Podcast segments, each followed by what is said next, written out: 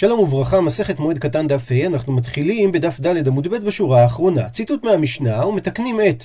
הפכנו דף קלקולי המים שברשות הרבים וחוטטים אותם. ורש"י על המשנה אומר, כגון אבנים שנפלו מחמת הבור. ומדייקת הגמרא, חטיטה אין, חפירה לא, שמותר לחטות, דהיינו שאם נפלו צרורות בקרקעית הבור, מותר להעלות אותם בחול המועד, אבל לחפור בורות חדשים אסור בחול המועד. ועל כך אמר רבי יעקב אמר רבי יוחנן לא שנו אלא שאין רבים צריכים להם. אבל במקרה שרבים צריכים להם אפילו חפירה מותר. שאם רבים צריכים לשתות מים בחול המועד מותר לחפור אפילו בורות חדשים. מקשה הגמרא וכי רבים צריכים להם מי שרי האם במקרה כזה יהיה מותר לחפור בורות חדשים בחול המועד? והתניא והרי שנינו בברייתא. חוטטים בורות שיחין ומערות של יחיד ואין צריך לומר של רבים. ואין חופרים בורות שיחין ומערות של רבים ואין צריך לומר של יחיד הרי אנחנו רואים שיש השוואה בין מקווי מים של יחיד לבין מקווי מים של רבים, שמותר לחטות אותם, אבל אסור לחפור אותם מחדש. ומדייקת הגמרא, מה אליו, האם לא מדובר בשרבים צריכים להם? שהרי הברייתא לא חילקה אם הם צריכים או לא צריכים. וזה סותר את מה שהביאו בשם רבי יוחנן, שאמר שבמקרה שרבים צריכים להם, יהיה מותר אפילו לחפור לכתחילה. מתרצת הגמרא, לא, לא כמו שהסברת, אלא הברייתא דיברה בשאין רבים צריכים להם. ולכן אסור לחפור את מקווה המים לכתחילה במועד.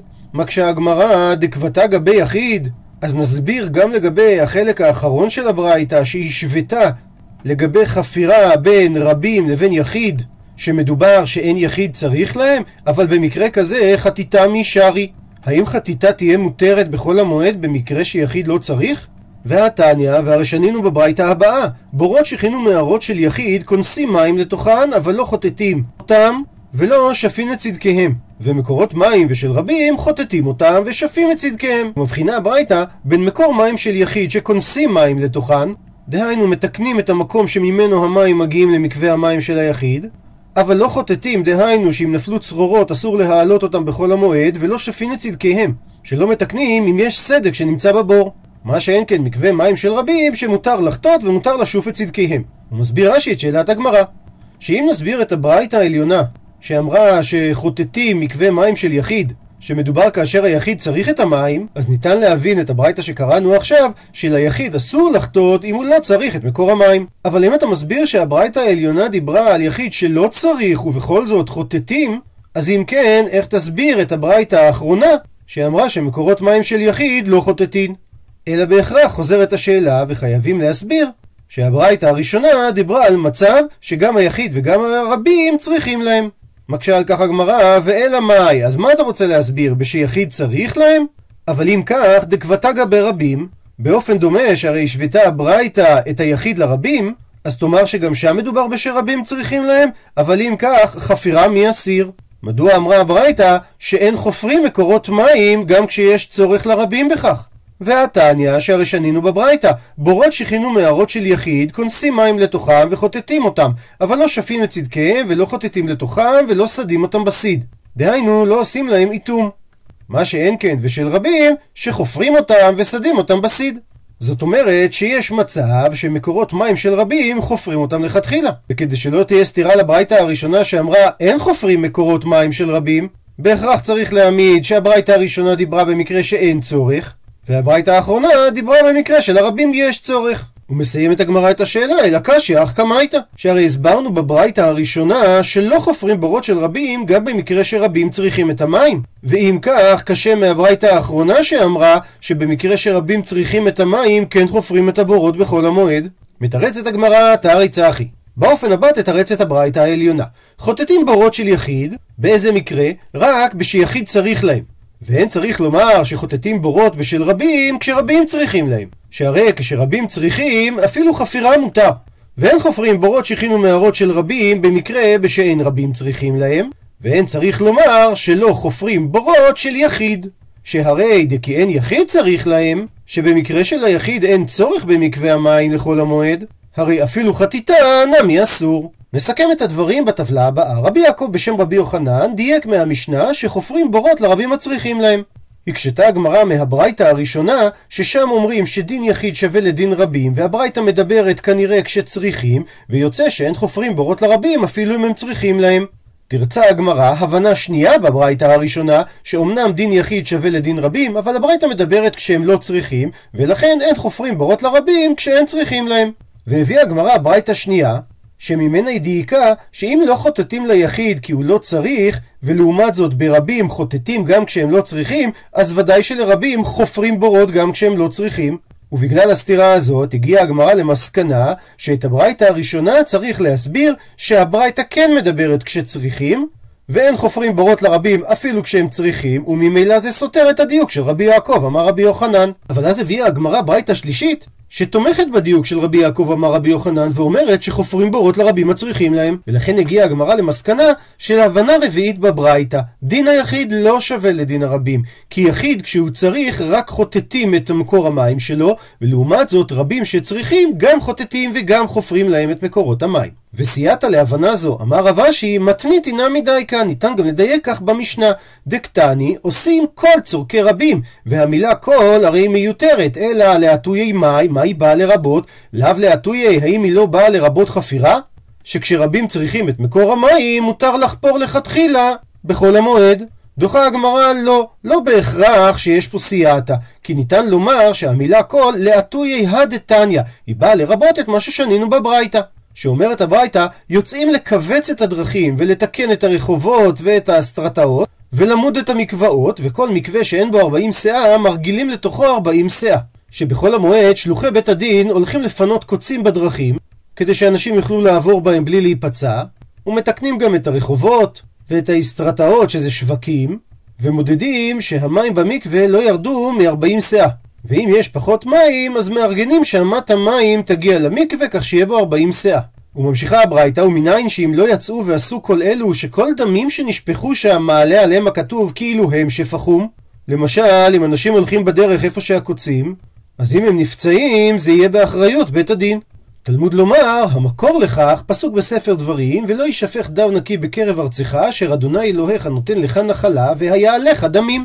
שבאחריות בית הדין לתקן את הדברים שיכולים לגרום סכנה. עד לכאן לשון הברייתא, וניתן לומר שמה שאמרה המשנה עושים כל צורכי רבים, בא לרבות את מה שאמרה הברייתא, ששלוחי בית הדין יוצאים לדאוג לדברים שבאחריותם. דוחה הגמרא ואומרת, הא בהדיא קטני לה. לא ייתכן שהמילה כל באה לרבות את הדברים הללו, כי הם נאמרו במפורש במשנה, ומתקנים את הדרכים ואת הרחובות ואת המקוואות. אלא בהכרח המשפט במשנה ועושים כל צורכי רבים להטויי מים, מה הוא בא לרבות? לאו להטויי חפירה? שמע מינה, תסיק מזה, כמו שאמר רב אשי, שיש סייעתא מהמשנה, להבנה האחרונה שהבנו בברייט. ציטוט מהמשנה מציינים את הקברות. והכוונה שעושים סימנים על הקברות בסיד, שהוא צבע לבן כמו העצמות, וזה סימן שלא ילכו אחרי תרומה ויטמאו שם. אמר רבי שמעון בן פזי, רמז לציון קברות שחובה לעשות אותו מן התורה מניין, תלמוד לומר, פסוק ביחזקאל נקרא בפנים, ועברו העוברים בארץ, וראה עצם אדם, ובנה אצלו ציון, עד קברו אותו המקברים אל גיא המון גוג. וזה בנבואה שיחזקאל מתנבא לעתיד לבוא, שיעשו ישראל ציונים על עצמות הפגרים המושלכים. ממלחמת גוג ומגוג, וזה רמז שלא בא כתוב אלא להזהיר וללמד שיהיה אדם עושה ציון. מקשה על כך אמר לרבינה לרב אשי, המקמדלת יחזקאל, מה נאמר? כלומר, לשיטתך, שבזמן הזה יש חיוב לציין את הקברות מדאורייתא, הרי היינו צריכים למצוא ציווי כזה בתורה שמתייחס לזמן הזה, ולא רק מנבואה עתידית של יחזקאל. עונה לו רב אשי, ולטעמך ולשיטתך, הדה אמר רב חיסדא, דבר זה מתורת משה רבנו לא למדנו, מדברי יחזקאל בן בוזי למדנו, שכתוב ביחזקאל נקרא בפנים, כה אמר אדוני אלוהים, כל בן נכר ערל לב וערל בשר, לא יבוא אל מקדשי לכל בן נכר אשר בתוך בני ישראל. ומדובר בפסוק על כהן שמתו אחיו מחמת מילה, ולכן לא רצו לעשות לו ברית מילה, כי היו יראים שגם הוא ימות כאחיו. ואומר יחזקאל שהוא לא יכול לבוא אל המקדש לשרת, שכהן ערל אסור בעבודה. אבל את ההלכה הזאת, מקמד אלתי יחזקאל, מה נאמר? אין לנו מקור אליה מלבד הפסוק ביחזקאל, אלא בהכרח, גם אתה רבינה מסכים שגמר הגמירי לה, הדבר נאמר במסורת, ועתה יחזקאל ואסמך אקרא. ויחזקאל שמח את המסורת בפסוק שהוא כתב, אז אחא נמי, גם כאן. לגבי ציון גברים, גמר הגמירי לה, הדבר נאמר במסורת, ועתה יחזקאל ואסמך אקרא. והגמרא תביא עכשיו עוד שמונה דעות היכן נרמז שצריך לעשות ציון על קברים, ואומר תוספות, כל אחת מהדעות לא חולקת על הדעה האחרת, אלא כך דרך הש"ס, שכל אחד אומר מה שעולה על דעתו. רבי אבאו אמר מהכה, ממה שכתוב לגבי טומאת מצורע, וטמא טמא יקרא, שזה כאילו שהטומאה קורא לו ואומרת לו פרוש. כלומר, עושים סימנים על הטומאה כדי שיהיה האדם מרגיש ופורש ממנה. וכן אמר רבי עוזיאל בר בריידר רבי עוזיאל רבא, בנו של רבי עוזיאל הגדול, טומאה קורא לו ואומרת לו פרוש. מקשה הגמרא, והי להכי ודעתה? האם הפסוק הזה, ללימוד הזה הוא בא? ההוא מבא אלי, הרי הוא נצרך לכדתניא, כמו שאומרת הברייתא, וטמא טמא יקרא, שצריך להודיע צערו לרבים, ורבים מבקשים עליו רחמים. ואם כך, הפסוק לא פנוי ללימוד שצריך ציון לקברות. עונה הגמרא, אם כן, לכתוב, מספיק היה לכתוב בפסוק וטמא יקרא. מאי וטמא טמא, למה צריך להגיד פעמיים וטמא? שמעת מינה תרתי, ניתן ללמוד את שני הדברים.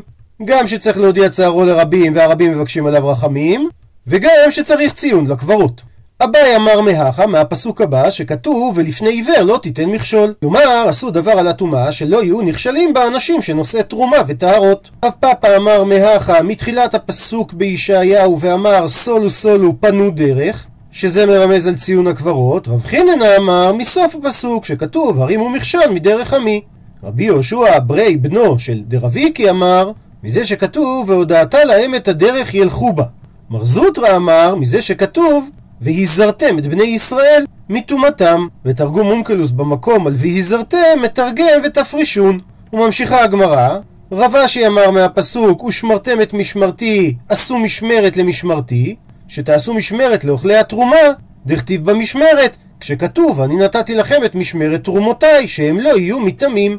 רבינה אמר מהפסוק הבא ושם דרך ארנו ביש האלוהים ששם דרך הכוונה שעושים סימן באיזה דרך ללכת. ועל הפסוק הזה אמר רבי יהושע בן לוי, כל השם אורחותיו זוכה ורואה בישועתו של הקדוש ברוך הוא, שנאמר ושם דרך, אל תקראי ושם אלא ושם דרך. שמי ששם אורחותיו, שהוא מחשב את הפסד מצווה כנגד שכרה ושכר עבירה כנגד הפסדה, עליו אומר הפסוק, הראינו ביש האלוהים. ומספרת הגמרא שרבי ינאי, הווה להוא תלמיד, היה לו תלמיד אחד, דכל יומא ומקשלי. שכל יום היה שואל אותו שאלות בלימוד. בשבתא דריגלה, שזו השבת של יום הרגל, שהיו דורשים ומתקבצים כל בני העיר לשמוע הלכות של הרגל, לא הווה מקשילי, הוא לא היה שואל שאלות את רבי ינאי, משום שכולם באים, ואם הוא היה מקשה ורבי ינאי לא היה יודע לענות, הרי רבי ינאי היה מתבייש. הפכנו דף, קרעי עלי, קרא עליו רבי ינאי את הפסוק הזה, ושם דרך הראנו ביש האלוהים. במשמעות של שם, שהוא מחשב לפי השעות של היום וכמה אנשים באים, מתי הוא יכול להקשות, מתי לא להקשות. מפרטת עכשיו הגמרא מתי צריך לעשות ציון על קבר. תנו הבנן, שנו רבותינו בתוספתא בשקלים. אין מציינים את הקברות, לא על כזית מן המת, ולא על עצם כשעורה, דהיינו עצם שהיא בגודל של שעורה, ולא על דבר שאינו מטמא באוהל. אבל כן מציינים על השדרה, של המת, שאף על פי שאינה אלא עצם אחד, בכל זאת היא מטמאה טומאה באוהל, ועל הגולגולת, על רוב בניין ועל רוב מניין המת. מסביר רש"י שרוב בניינו זה כגון עצמות גדולות, כגון קוליות, שזה עצמות הירך, שאף על פי שאין בו את רוב העצמות, יש בו את רוב הבניין. דהיינו, את רוב הגודל של האדם. ורוב מניינו, הכוונה לרוב העצמות. דהיינו, 125 עצמות מתוך 248. ואף על פי שאין בו את רוב בניינו. ואין מציינים על הוודאות, אבל מציינים על הספקות. הכוונה שלא עושים ציון היכן שברור לכולם שיש פה טומאה ודאית, שוודאי לא יטלטלו באותו מקום טהרות. אבל מקומות שהם רק ספק טומאה, ואלו הן הספקות, סככות ופרעות ובית הפרס. מדובר שהסככות והפרעות הן סמוכות לרשות הרבים שסמוך לבית הקברות. וסככות ופרעות זה מקומות שיש בהם אוהל והם צמודים לרשות הרבים שסמוך לבית הקברות והחשש הוא שמכיוון שיש שם אוהל רגילים לקבור שם במקום צנוע והכוונה שאם הם הגיעו סמוך לחשיכה ייתכן ויקברו תחת אותו המקום והגמרא בהמשך תסביר מה זה סככות ופרעות ובית הפרס. וממשיכה התוספתא, ואין מעמידים ציון במקום טומאה שלא להפסיד את הטהרות. הוא מסביר רש"י שאם הטומאה תהיה ממש מתחת לציון, הרי האדם לא מרגיש את הציון עד שהוא מגיע אליו באופן פתאומי, והוא יטמא את הטהרות. לכן עושים את הציון סמוך לטומאה בריחוק כלשהו, אז כשהוא בא אל הציון הוא מרגיש שיש פה טומאה ולא הולך עליה. אבל מצד שני, ואין מרחיקין ציון ממקום טומאה שלא להפסיד את ארץ ישראל. שכשאדם רואה את הסימן, מיד הוא פורש מאותו מקום, ואז נמצא מקום בארץ ישראל בטומאה שלא לצורך. עד לכאן לשון התוספתא. ושואלת הגמרא, וכזית מן המת אינו מטמא באוהל? והתנן והרי שנינו. משנה במסכת אוהלות. אלו שמטמאים באוהל, כזית מן המת זה אחד מן הדברים. עונה על כך, אמר רב פאפא, הכה בכזית מצומצם עסקינן, וסוף סוף מכסר חסר. דהיינו, כזית אכן מטמא באוהל, אבל מה שאמרה התוספתא שאין מציינים על מקום של כזית, היא דיברה על כזית מצומצם, דהיינו על שיעור כזית מדויק, שכאשר קוברים אותו, ודאי שהוא נהיה חסר בקרקע. ואז הכמות היא פחות מכזית. מוטב שישרפו עליו תרומה וקודשים לפי שעה, ואל ישרפו עליו לעולם. שבפרק הזמן הראשוני שקרוב לקבורה, כל העובר על אותו כזית יודע שנקבר שם כזית, ולכן שורפים טהרותיו, כי עדיין שיעור הכזית שלם ולא חסר. אבל אם נעשה שם ציון, אז גם בהמשך הזמן ישרפו תרומות שיטמעו כשעוברים על אותו ציון, אבל זה תהיה שריפה שלא לצורך, שהרי במהלך הזמן שיעור הזית חסר. ציטוט מהתוספתא, ואלו הן הספקות, סככות ופרעות. מסבירה הגמרא, סככות זה אילן המסך על הארץ, ופרעות זה אבנים פרועות היוצאות מן הגדר. מסביר רש"י, אילן המסך על הארץ, שאנחנו יודעים בוודאות שיש טומאה תחת נוף אחד, תחת אחד הענפים, רק אנחנו לא יודעים תחת איזה נוף. ולכן הוא עושה ציון תחת כל הענפים.